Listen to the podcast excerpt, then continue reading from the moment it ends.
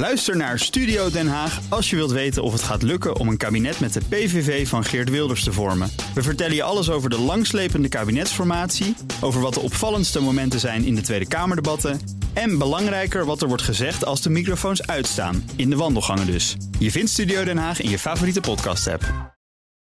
Het financieren van een pand houdt velen bezig. In de podcastserie Het Geld en de Stenen hoor je hoe ondernemers en vastgoedbeleggers via mogelijk hun droompand financierden. Luister de podcastserie via BNR of je favoriete podcast-app. Vastgoed gezocht wordt gesponsord door mogelijk vastgoedfinancieringen. BNR Nieuwsradio. Vastgoed gezocht. Maarten Bouwhuis en Maarten de Gruiter. De crisis op de huizenmarkt is geen bedrijfsongelukje. Het is ook geen natuurfenomeen dat ons nou bij toeval treft. Mijn gast deed er uitgebreid onderzoek naar en komt met een heel andere verklaring. De conclusies lezen we in zijn boek Uitgewoond. De vraag van deze week: hoe heeft de woningmarkt nou eigenlijk zo kunnen ontsporen? Dit is Vastgoed Gezocht, jouw wekelijkse update over de wereld van de stenen. Je hoort ons elke maandagavond op BNR en natuurlijk altijd online via de app en bnr.nl. Maarten de Gruiter, vastgoedontwikkelaar, is er dit keer niet bij. Hij zit in het buitenland. Veel plezier daar, Maarten. Naast mij staat Rogier Hentenaar, oud-hoofdredacteur van Vastgoedjournaal... en zelf uh, een kleine vastgoedbelegger. Uh, als co-host voor het eerst, van harte welkom. Ja, dankjewel, uh, Maarten. Erg leuk dat ik erbij kon zijn. je wilt deze aflevering beginnen met inflatie... en de gevolgen van de hypotheekrente, of op die hypotheekrente eigenlijk. We zagen de rentes de afgelopen tijd plotseling snel oplopen. Wat is nou eigenlijk aan de hand? Ja, dit is eigenlijk wel een beetje een trendbreuk wat we de afgelopen jaren hebben gezien. Dat de rente steeds lager gingen.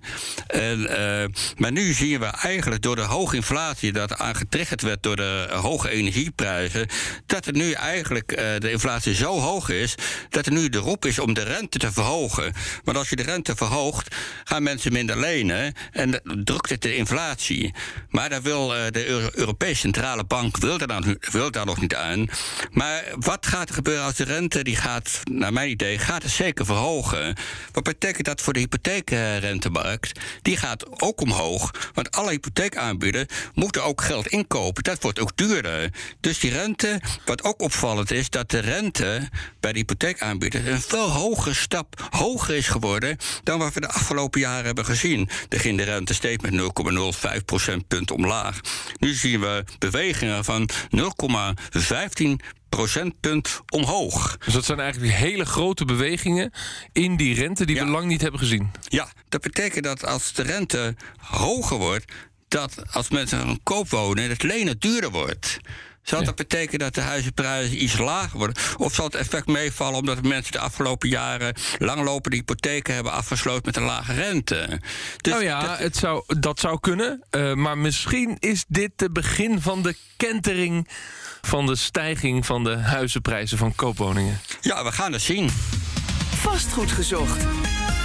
Hoe kon het in Nederland zo misgaan met de woningmarkt? Het antwoord op die vraag staat in het nieuwe boek Uitgewoond, geschreven door stadsgeograaf en onderzoeker aan de Universiteit van Amsterdam, Kobi Horstenbach. Van harte welkom, Cody. Hi, goeiedag. Uh, jij begint het boek met een heel persoonlijk verhaal over je eigen vader die dakloos raakte. Trof mij toen ik het las. Uh, in Maastricht. Mm Maar wat heeft dat verhaal nou met de woningcrisis van nu te maken? Nou, ik denk dat uh, mijn vader is ongeveer um, 20 jaar geleden, begin jaren 2000, is hij twee jaar dakloos geweest. Omdat zijn um, sieradenwinkel failliet ging. Dat had er onder andere mee te maken dat de, um, de, de binnenstad van Maastricht werd opnieuw bestraat. Dus uh, zijn mooie, elegante winkelstraat veranderde in een zandbak. Nou, dat heeft natuurlijk invloed op jouw omzetcijfers als winkelier. Ja, je schrijft hij woonde boven de woning als een van de weinige winkeliers. Mm -hmm, ja. uh, uiteindelijk ging de winkel failliet en hij kwam op straat te staan. Mm -hmm, ja, precies. Uh, dat, is ja. dak, dat is dakloosheid. Ik heb mm -hmm. in Rotterdam gestudeerd. Daar, daar liep ook altijd daklozen. Maar die woningcrisis, wat heeft dat met dakloosheid te maken? Nou, ik denk dat uh, de wooncrisis heel veel verschillende slachtoffers maakt. Uh, maar de aandacht in de media en in de politiek gaat heel vaak uit naar de mensen die. Uh, keer op keer weer overboden worden door een belegger of mensen die ehm, gigantische woekenbedragen neerleggen om die felbegeerde koopwoning te bemachtigen. En dat is natuurlijk heel vervelend als je een starter bent en je vist steeds weer opnieuw achter het net en er is geen beschikbare koopwoning voor jou beschikbaar. Maar ik denk dat we moeten erkennen dat de grootste uitwassen van de wooncrisis zich aan de onderkant van de woningmarkt voordoen. Dat is onder andere uh, dakloosheid. Dat is wat mij betreft de allergrootste uitwas van de wooncrisis. En het wel het aantal dakloze mensen in Nederland is de afgelopen tien jaar ongeveer verdubbeld. Welke statistiek die er nou op, op nahoudt. Volgens CBS zijn er ruim 30.000 dakloze volwassenen in Nederland. Volgens Valente zijn het er zelfs uh, 100.000 dak- en thuisloze mensen. Daarnaast hebben een uh, een kwart van alle huurders heeft iedere maand opnieuw moeite om de huur te betalen. Um, ook dat aandeel is verdubbeld ten opzichte van tien jaar geleden en zelfs verdrievoudigd ten opzichte van twintig jaar geleden. Um, dus dat verhaal van mijn vader toen hij dakloos was begin jaren uh, 2000 is een voorbeeld van de grote uitwas die de wooncrisis veroorzaakt en hoe het heel diep ingrijpt op mensenlevens. Het, ja, je koppelt het eigenlijk op die manier uh, aan het recht op een woning. Mm -hmm, ja. En het recht om uh, een veilig thuis te kunnen hebben. Mm -hmm. Dat was voor jou de reden om in ieder geval het boek ook met dat persoonlijke verhaal uh, te beginnen. Dan kaart je in het boek een aantal mythes aan. We kunnen ze niet allemaal doorlopen in dit gesprek, want je hebt er 275 pagina's aan gewijd. Maar desondanks, we gaan het proberen. het eerste probleem dat je aankaart gaat over de boodschap die de politiek decennia lang heeft verkondigd. Namelijk kopen is beter dan huren. Mm -hmm. uh, waarom is dat een mythe? Wat is daar mis mee? Nou, dat, uh, mijn, mijn, collega Richard Rowland die noemt dat de ideologie van eigen woningbezit. En de afgelopen 30, 40 jaar is ons ingepeperd dat kopers superieur zijn aan huur, huurders. En um, dat, dat, bericht is wijdverspreid. Makelaars verkopen dat bericht. Vereniging Eigen Huis natuurlijk. Dat is geen verrassing. Maar ook mijn woningcorporatie, waar ik zelf bij huur... heeft ook een advertentiecampagne gerund een aantal jaar geleden... met de vraag waarom huur je eigenlijk nog? Uh, je kunt beter kopen. Dat is inmiddels geen, in ieder geval geen geld meer in de bodemloze put. Ja, het probleem is dat de praktijk het ook laat zien. Want iedereen die gekocht heeft... Uh, bijvoorbeeld van de babyboom-generatie in de jaren 80... Uh, die hebben nu die zak geld op de bank... Um, en familie van mij die niet heeft kunnen kopen, die hebben die zak geld niet. En die hebben dus ook een kloof in hun generatie tussen de zeventigers. Ik denk dat er twee, twee, twee aspecten zijn aan deze mythe van, van woningbezit. Het idee dat kopen beter is dan huren. Aan de ene kant is het meer een, een gevoelsmatig ideologisch verhaal. Uh, kopen wordt geassocieerd met goed burgerschap. Uh, kopers zouden verantwoordelijker zijn, beter met hun bezit omgaan, meer naar de buren omkijken. Ze zouden um, trotser zijn. Zij zouden pas hun, hu hun huis echt tot een thuis maken. Um, het bewijs voor dat soort aannames, dat zij eigenlijk betere burgers zouden zijn, is flinterdun. Het is eerder zo dat mensen die een, stabiele, een stabiel leven hebben en hun zaakjes op orde hebben, die zijn in staat om te kopen. En dan krijg je een soort van selectie-effect, wordt dat genoemd. Ja. Een tweede aspect is meer het financiële, namelijk dat die woning een manier is om vermogen op te bouwen. En dat is natuurlijk wel zo. Uh, in mijn boek laat ik zien dat de doorsnee koper inmiddels 90 keer zoveel vermogen heeft als de doorsnee huurder. Ja, dat is natuurlijk belachelijk en schandalig. Ja, ik wou zeggen, jij vindt daar ook wat van, van dat, dat, gegeven. Maar dat is, uh, dat is geen vanzelfsprekendheid. Dat is een mythe die we tot self-fulfilling prophecy hebben gemaakt. Door aan de ene kant kopen gigantisch te bevoordelen met jaarlijkse miljarden subsidies, bijvoorbeeld in de vorm van de hypotheekrenteaftrek, met het onbelast laten van het uh, vermogen wat in de woning zit of de overwaarde die je eventueel behaalt uit die woning. Um, en tegelijkertijd hebben we huurders de afgelopen 30 jaar, want dat is natuurlijk de andere kant van de medaille, geconfronteerd met de ene na de andere lastenverzwaring. De huren zijn fors gestegen. Um, en alleen mensen die uh, vanwege die obsessie met woningbezit, alleen de mensen die echt niet kunnen kopen, zijn degenen die ja. over zijn gebleven in de. Dus ik heel, heel snel even mijn eigen persoonlijke verhaal kan vertellen. Mijn vader en mijn ouders konden pas op hun veertigste een koopwoning uh, kopen. Zo'n premie A-woning eind jaren 70 voor uh, 100.000 gulden. Dan kreeg ze ook nog een subsidie. Dus hij heeft al die tijd gewoon gehuurd. Maar toen werd er ook al gezegd van, nou, misschien moet je toch maar instappen in de markt. Toen waren de huizenprijzen waren nog relatief betaalbaar. Terwijl jouw analyse begint in de jaren 80, maar in de jaren 70 hadden we dus al die premie A-woningsstimulans om toch ja, te gaan kopen. Dus dat gaat verder terug. Ik ga in mijn boek ook wel eerder uh, verder terug in de tijd. Ik begin uh, ook al in eind 19e eeuw, begin 20e eeuw. Maar volgens mij is echt die ideologische verheerlijking uh, echt op gang gekomen, inderdaad, vanaf de jaren 80. Het is ja. natuurlijk moeilijk om één hard beginpunt aan te wijzen. En wat je daarna ziet, is dat vanaf de jaren 90 bijvoorbeeld ook veel en veel grotere hypotheken mogelijk werden. Uh, waardoor steeds meer mensen de woningmarkt op uh, moesten laten komen. Laten we even kijken naar die hypotheken. Want je, je kunt dus die woningmarkt op en die hypotheken worden steeds groter. Sterker nog, op een gegeven moment gingen we 110, 115... tot en met bijna 125 procent van de waarde van de woning... konden wij een hypotheek afsluiten. Daarin wijken wij af van bijna alle landen in de wereld. Zeker. Wij zijn uh, hypotheekschuldenkampioen van Europa. Ja, jij zegt ja, dat beleid heeft dus wel geleid tot die enorm scheve woningmarkt. Nou, ik denk dat in mijn boek leg ik natuurlijk heel erg de nadruk op de politiek die verantwoordelijk is voor al deze verschillende woonmaatregelen. En dat zijn geen geïsoleerde maatregelen uh, die toevallig op de een of andere manier zijn uitgepakt, maar zijn onderdeel van een, coherent, uh, een coherente lijn. Um, maar er is niet één schuldige natuurlijk. Ik denk dat de politieke steun voor dit beleid heel groot was geweest. De VVD is dominant geweest de afgelopen 20, 30 jaar. De CDA is natuurlijk ook dominant geweest. De PvdA heeft er ook aan meegewerkt. Banken wilden graag grotere leningen uit, uh, uitgeven. En ook consumenten dachten, laat mij meer geld lenen. Dan kan ik wel dat droomhuis betalen. Maar als één iemand meer geld kan lenen... dan kun je inderdaad een grotere woning kopen. Maar, maar als iedereen meer geld kan lenen... dan zal je simpelweg met grotere zakken geld opbieden... Uh, tegen nu, andere mensen met grotere ligt, zakken geld. Nu ligt de analyse ligt er achteraf. Uh, maar jouw, uh, nou ja, laten we zeggen, provinciegenoot uit Zuid-Limburg, Tom Dumoulin, zegt altijd: achteraf is makkelijk wonen. Oftewel, als je terugkijkt, dan zien we dat we dat anders hadden moeten doen. Um, uh, maar hadden we toen een moment kunnen hebben om dat inderdaad anders te beslissen? En wijd je het dan dus echt aan ideologie? En als we toen er anders naar hadden gekeken, dat was ook reëel geweest, hadden we nu op een ander punt gestaan? Ja, ik denk het wel. Dus als je gaat kijken bijvoorbeeld naar de verzelfstandiging van woningcorporaties, die uh, mid jaren 90 is uitgevoerd. Ook al uh, begin jaren 90, eind jaren 80, toen dat op tafel lag, dat die maatregel er zou komen, waren er discussies van zijn die woningcorporaties wel in staat om hun eigen broek op te houden? Nou, we hebben gezien dat dat tot allerlei misstanden heeft geleid, omdat die woningcorporaties zich als um, um, ondernemers ja. moesten gaan gedragen en de ene naar de andere uh, dubieuze projecten zijn ingestapt. Ja, dus die discussies lagen er toen al. Hoe kijk jij naar de rol van de particuliere vastgoedbeleggers eigenlijk? Het beeld bestaat van kapitaalkrachtige mensen die starters van de markt drukken. Zijn wij uh, de oorzaak of zijn wij het gevolg van al die uh, veranderingen in de afgelopen Rogier is zelf ook uh, belegger in een paar panden. Ik denk in eerste instantie een gevolg van de veranderingen van. En, maar ik denk wel dat de particuliere vastgoedbelegger een, step, een schepje bovenop de huidige problemen doet. Ik denk dat we niet moeten vergeten dat ongeveer 100 jaar lang in Nederland de particuliere vastgoedbelegger minder en minder belangrijk werd. het idee was juist, we gaan naar een modernere woningmarkt toe. En die modernere woningmarkt zal bestaan uit aan de ene kant woningbezit en aan de andere kant een sociale huursector met betaalbare huurwoningen van goede kwaliteit voor de mensen die geen koopwoning hebben. Dus heel lang was het idee dat die particuliere huursector ten dode was opgeschreven. De afgelopen 10, 15 jaar zie je in Nederland, en dat zag je in het Verenigd Koninkrijk al eerder gebeuren, dat die uh, particuliere vastgoedbelegger weer een opmars is. Um, ik zie dat heel erg als uitkomst van aan de ene kant het feit dat de koopwoningen voor een groeiende groep mensen te duur zijn geworden of onbereikbaar omdat ze bijvoorbeeld geen vast contract hebben. En aan de andere kant um, de sociale huursector, de toegang tot die sector is ook aan banden gelegd omdat er strenge inkomensgrenzen zijn en lange wachttijden. Dus er is een gat ontstaan tussen sociale huur en koop. En de vastgoedbelegger is in dat gat gesprongen. En dat gaat zowel om de grote belegger uit binnenland, bijvoorbeeld uh, uit het buitenland, bijvoorbeeld Blackstone, maar ook heel veel kleinere uh, particuliere beleggers.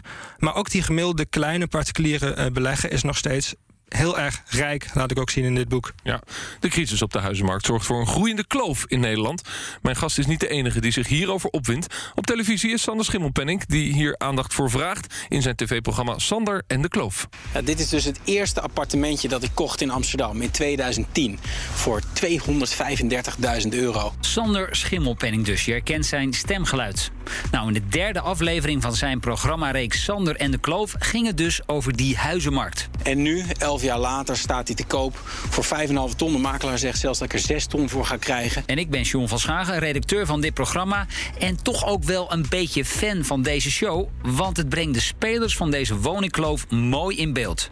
Met aan de ene kant de verliezers. Het is een pittige markt voor mij, want ik concurreer met doorstromers. ja. Zonder uh, een uh, jubeltonnetje. En aan de andere kant de winnaars. Wij krijgen nu eigenlijk uh, de meeste woningen aangeboden via het netwerk. We kennen gewoon ongelooflijk veel mensen. Het is misschien een beetje gek om hier reclame te gaan zitten maken voor een tv-programma van de NPO notabene.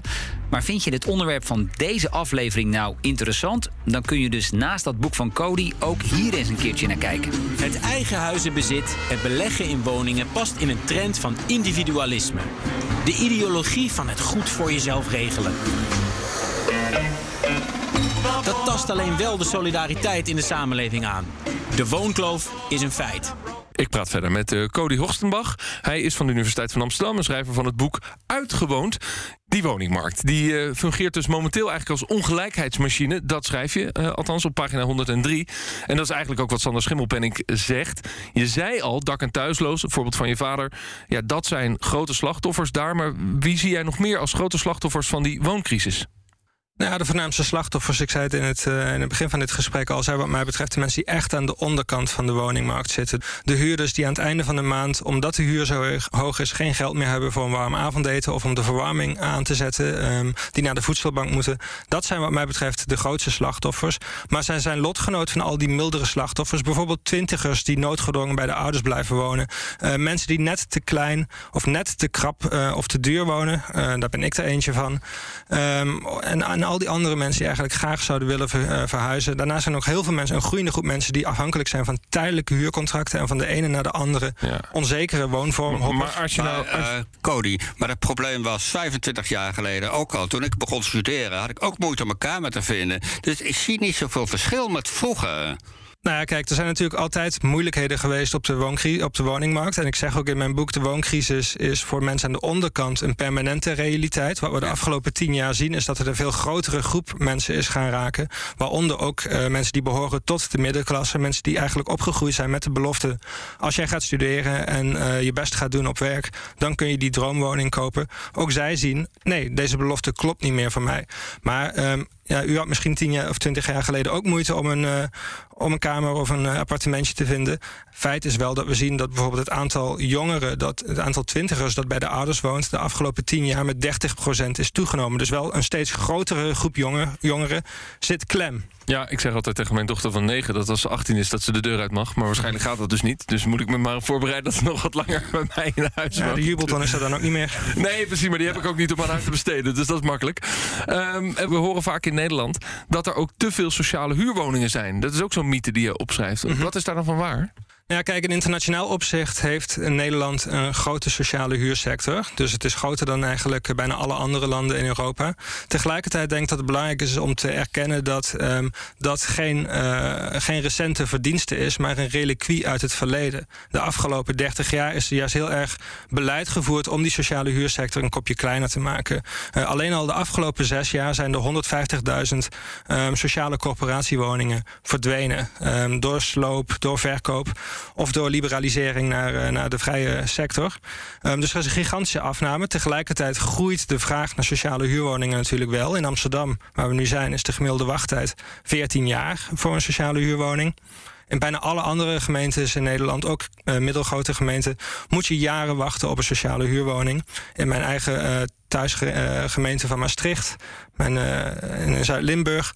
Dat is weliswaar een krimpregio, maar het tekort aan betaalbare sociale huurwoningen neemt gek genoeg ook toe. Um, dus we hebben een stoelendans gecreëerd waarbij de ene naar de andere stoel wordt weggehaald. En waarbij um, het steeds moeilijker wordt om die felbegeerde sociale huurwoning te bemachtigen. En er wordt er altijd gezegd bouwen, bouwen, bouwen om de woningcrisis op te lossen. Uh, we willen zelfs voor uh, 2030 al een miljoen woningen bouwen. Nou, of dat gaat lukken is een ander, uh, is een ander gesprek. Um, maar is dat dan een oplossing? Of, of hebben we niet zo'n groot tekort aan woningen, maar is het vooral een prijsmechanisme nou, waar we in vastzitten? Zeggen, ja, over de, uh, voor, voor mij is dat ook een mythe. Dat miljoen woningen die noodzakelijk zijn. Uh, vandaag was er weer zo'n rapportje dat er 300 het aantal wonen of wat, wat we tekort hebben, 317.000, wat nu tekort is. Dat is ook eigenlijk voor mijn gevoel een mythe. Je ziet ook de afgelopen jaren dat er steeds minder mensen in een huis gaan zitten. Dat, dat zorgt ook voor een hele grote, be, grote invloed op de woningmarkt. Ja. Dus je zou hoe, hoe, kijk, hoe, hoe, kijk jij naar dat de goede, goed punt? Hoe kijk jij naar die, naar, dat, uh, naar die hoeveelheid woningen en of dat nou wel of niet een tekort is? Nou ja, of, de, of er nou op dit moment een tekort, is van 300.000 woningen om en nabij. Of dat er in de toekomst uh, een miljoen woningen nodig zijn. Kijk, dat is natuurlijk best wel natte vingerwerk. En dat is afhankelijk Ja. van heel veel aannames. Dus er is, ook economen zouden zeggen, er is niet één tekortcijfer waarover je kunt spreken. Want het tekortcijfer is afhankelijk van allerlei aannames over huishoudgrootte, de, de leeftijd waarop je het ouderlijk huis verlaat, ehm, migratiecijfers, eh, geboorte- en sterftecijfers enzovoorts. Dus dat is een beetje natte vingerwerk. Tegelijkertijd denk ik wel dat er een ongelofelijke behoefte is aan meer woningen. Ehm, ik denk dat het belangrijk is om eh, niet louter te bouwen, bouwen, bouwen. Vaak is dat pleidooi ook een pleidooi om gewoon maar in het wilde weg ehm, dure rijtjeshuizen te gaan bouwen, waarbij het laatste groenweg eh, opgegeten wordt, waarbij er geen hoogwaardig, eh, kwalitatief hoogwaardige woonomgevingen worden gebouwd, waarbij betaalbaarheid geen issue is. Dus ik ben niet voor bouwen, bouwen, bouwen ehm sec, maar ik denk wel dat het belangrijk is om veel meer woningen te bouwen. Maar doe dat alsjeblieft met visie en met regie. Dus denk na wat voor woningen zijn nodig en waar moeten die woningen komen te staan en voor wie en in welk prijssegment enzovoorts. Cody, jij zegt in je boek helemaal op het eind dat je vooral pleit voor stadswoningen. Omdat eh, mensen die in de stad wonen minder energie verbruiken. eh, Ze gaan wat efficiënter met, met, met hun voetafdruk om. Maar tegelijkertijd is het ook duur. Dus er zijn die mensen die jij, voor wie jij denkt op te komen, kunnen veel moeilijker stadswoningen bemachtigen als ze worden gebouwd. Ze zijn peperduur. Ja, hoe kijk je daarnaar? Ik denk dat er drie redenen zijn om zoveel mogelijk binnenstedelijk te bouwen. Eén reden is, kijk maar naar de vraagprijzen en de wachttijden voor sociale huur. En daaruit blijkt wel de immense behoefte aan stedelijk wonen. Dat, dat, dat blijkt gewoon uit de prijzen en de wachttijden. Eh, het tweede argument is dat we inderdaad zoveel mogelijk de spaarzame openbare ruimte in Nederland willen eh, besparen. Ehm, en ten derde leven ehm, stadsbewoners over het algemeen iets duurzamer dan hun, hun eh, evenknieën buiten de stad, in de suburbs of op het land. Simpelweg omdat ze bijvoorbeeld naar hun werk of naar hun vrienden kunnen fietsen of wandelen in plaats van dat ze met de auto moeten gaan. Ze wonen ook eh, eh, gemiddeld genomen iets kleiner, dat bespaart ook weer energie. Dus ik denk dat er veel goede redenen zijn om zoveel mogelijk binnenstedelijk te bouwen. De vraag is natuurlijk, kun je het allemaal binnenstedelijk doen? En ik kan me voorstellen dat je een deel ook in hoge dichtheden rondom de steden eh, moet bouwen. Ehm, het Finex-beleid van, van, van vroeger heeft natuurlijk een, eh, een, een beetje een slechte reputatie in veel kringen. Maar ik denk dat zo'n soort beleid van in hoge dichtheid af en toe eh, grotere buurten ontwikkelen rondom de steden wel degelijk ehm, zinvol en een goed Ja. idee kan zijn. Nou, eventjes terug naar de kern van het boek tot slot. Het gaat dus niet over een ongelukkig bedrijfsongeval, hoe die woningmarkt is ontspoord. De problemen zijn rechtstreeks het gevolg van 35 jaar woonpolitiek. Vind je dat de huidige bijna 20 partijen in de Tweede Kamer eh, de juiste snaar raken om dit te doorbreken? Nee, nog niet. Ehm, ik denk wel dat er iets aan het kantelen is in het publieke debat. En ehm, ik denk als ik dit boek een paar jaar geleden had geschreven, was de inhoud van het boek geweest van hé, hey, we zitten in een wooncrisis. Maar dat punt is eh, inmiddels wel geland. Ik zag afgelopen zondag zag ik eh, ehm, Heerma in, eh, in Buitenhof. Hij zei ook van in 2017 had ik dit helemaal nog niet zo voor ogen dat we in een wooncrisis zitten. Maar inmiddels is dat wel, is dat wel duidelijk. Dus het, het kwartje dat we in een, in een wooncrisis zit- crisis zitten, is inmiddels wel gevallen. En dat lijkt me een belangrijke eerste stap. Hugo de Jonge in zijn eerste debat in de commissie Wonen zei ook van nou ja, ehm, wonen is een recht, het staat in de grondwet. En ehm, we, eh, het is een publieke taak en misschien hebben we te veel aan de markt overgelaten. En we moeten die regie weer pakken als Rijksoverheid. Nou, dat vond ik op zich wel bemoedigende woorden. Vooralsnog blijft het wel gewoon bij, bij woorden en enkele tweaks in de goede richting. Ik vind de afschaffing van de verhuurderheffing een goede beslissing. Volgens mij vindt bijna iedereen dat. Ja. Ehm, de jubelton De jubelton gaat eraf, helaas pas over twee jaar. Ja. En zo zijn er wel een paar eh, goede beslissingen. Aan de andere kant wordt ook heel veel niet gedaan in het nieuwe regeerakkoord. Bijvoorbeeld het afbouwen van de voordelen van eh, woningbezitters. En het omarmen van brede volkshuisvesting... waarbij sociale huurwoningen beschikbaar en bedoeld zijn... voor mensen met een laag inkomen, maar ook voor middeninkomen. Dus ik, ik denk dat er wel iets veranderd is in het publieke debat. Maar ik denk dat er nog meer nagedacht moet worden... over een fundamenteel andere visie op wonen, waarin het recht op een thuis, dus een betaalbare, veilige, passende en zekere plek, dat dat veel meer aandacht zou moeten krijgen. Waarvan acte, dankjewel. Uh, Cody Horstenbach uh, in het nieuwe boek Uitgewoond zet hij het allemaal uiteen. Rogier Hentenaar, dankjewel. Fijn dat je bij mij was. Dit was hem weer. Uh, vastgoed gezocht. Bedankt voor het luisteren en heel graag tot volgende week. Vastgoed gezocht wordt gesponsord door mogelijk vastgoedfinancieringen. Bij BNR ben je altijd als eerste op de hoogte van het laatste nieuws. Luister dagelijks live via internet. Bas van Werven. En heel langzaam komt de zon op rond dit tijdstip. Je krijgt inzicht in de dag die komt op BNR, het Binnenhof in Nederland en de rest van de wereld. De Ochtendspits. Voor de beste start van je werkdag. Blijf scherp en mis niets.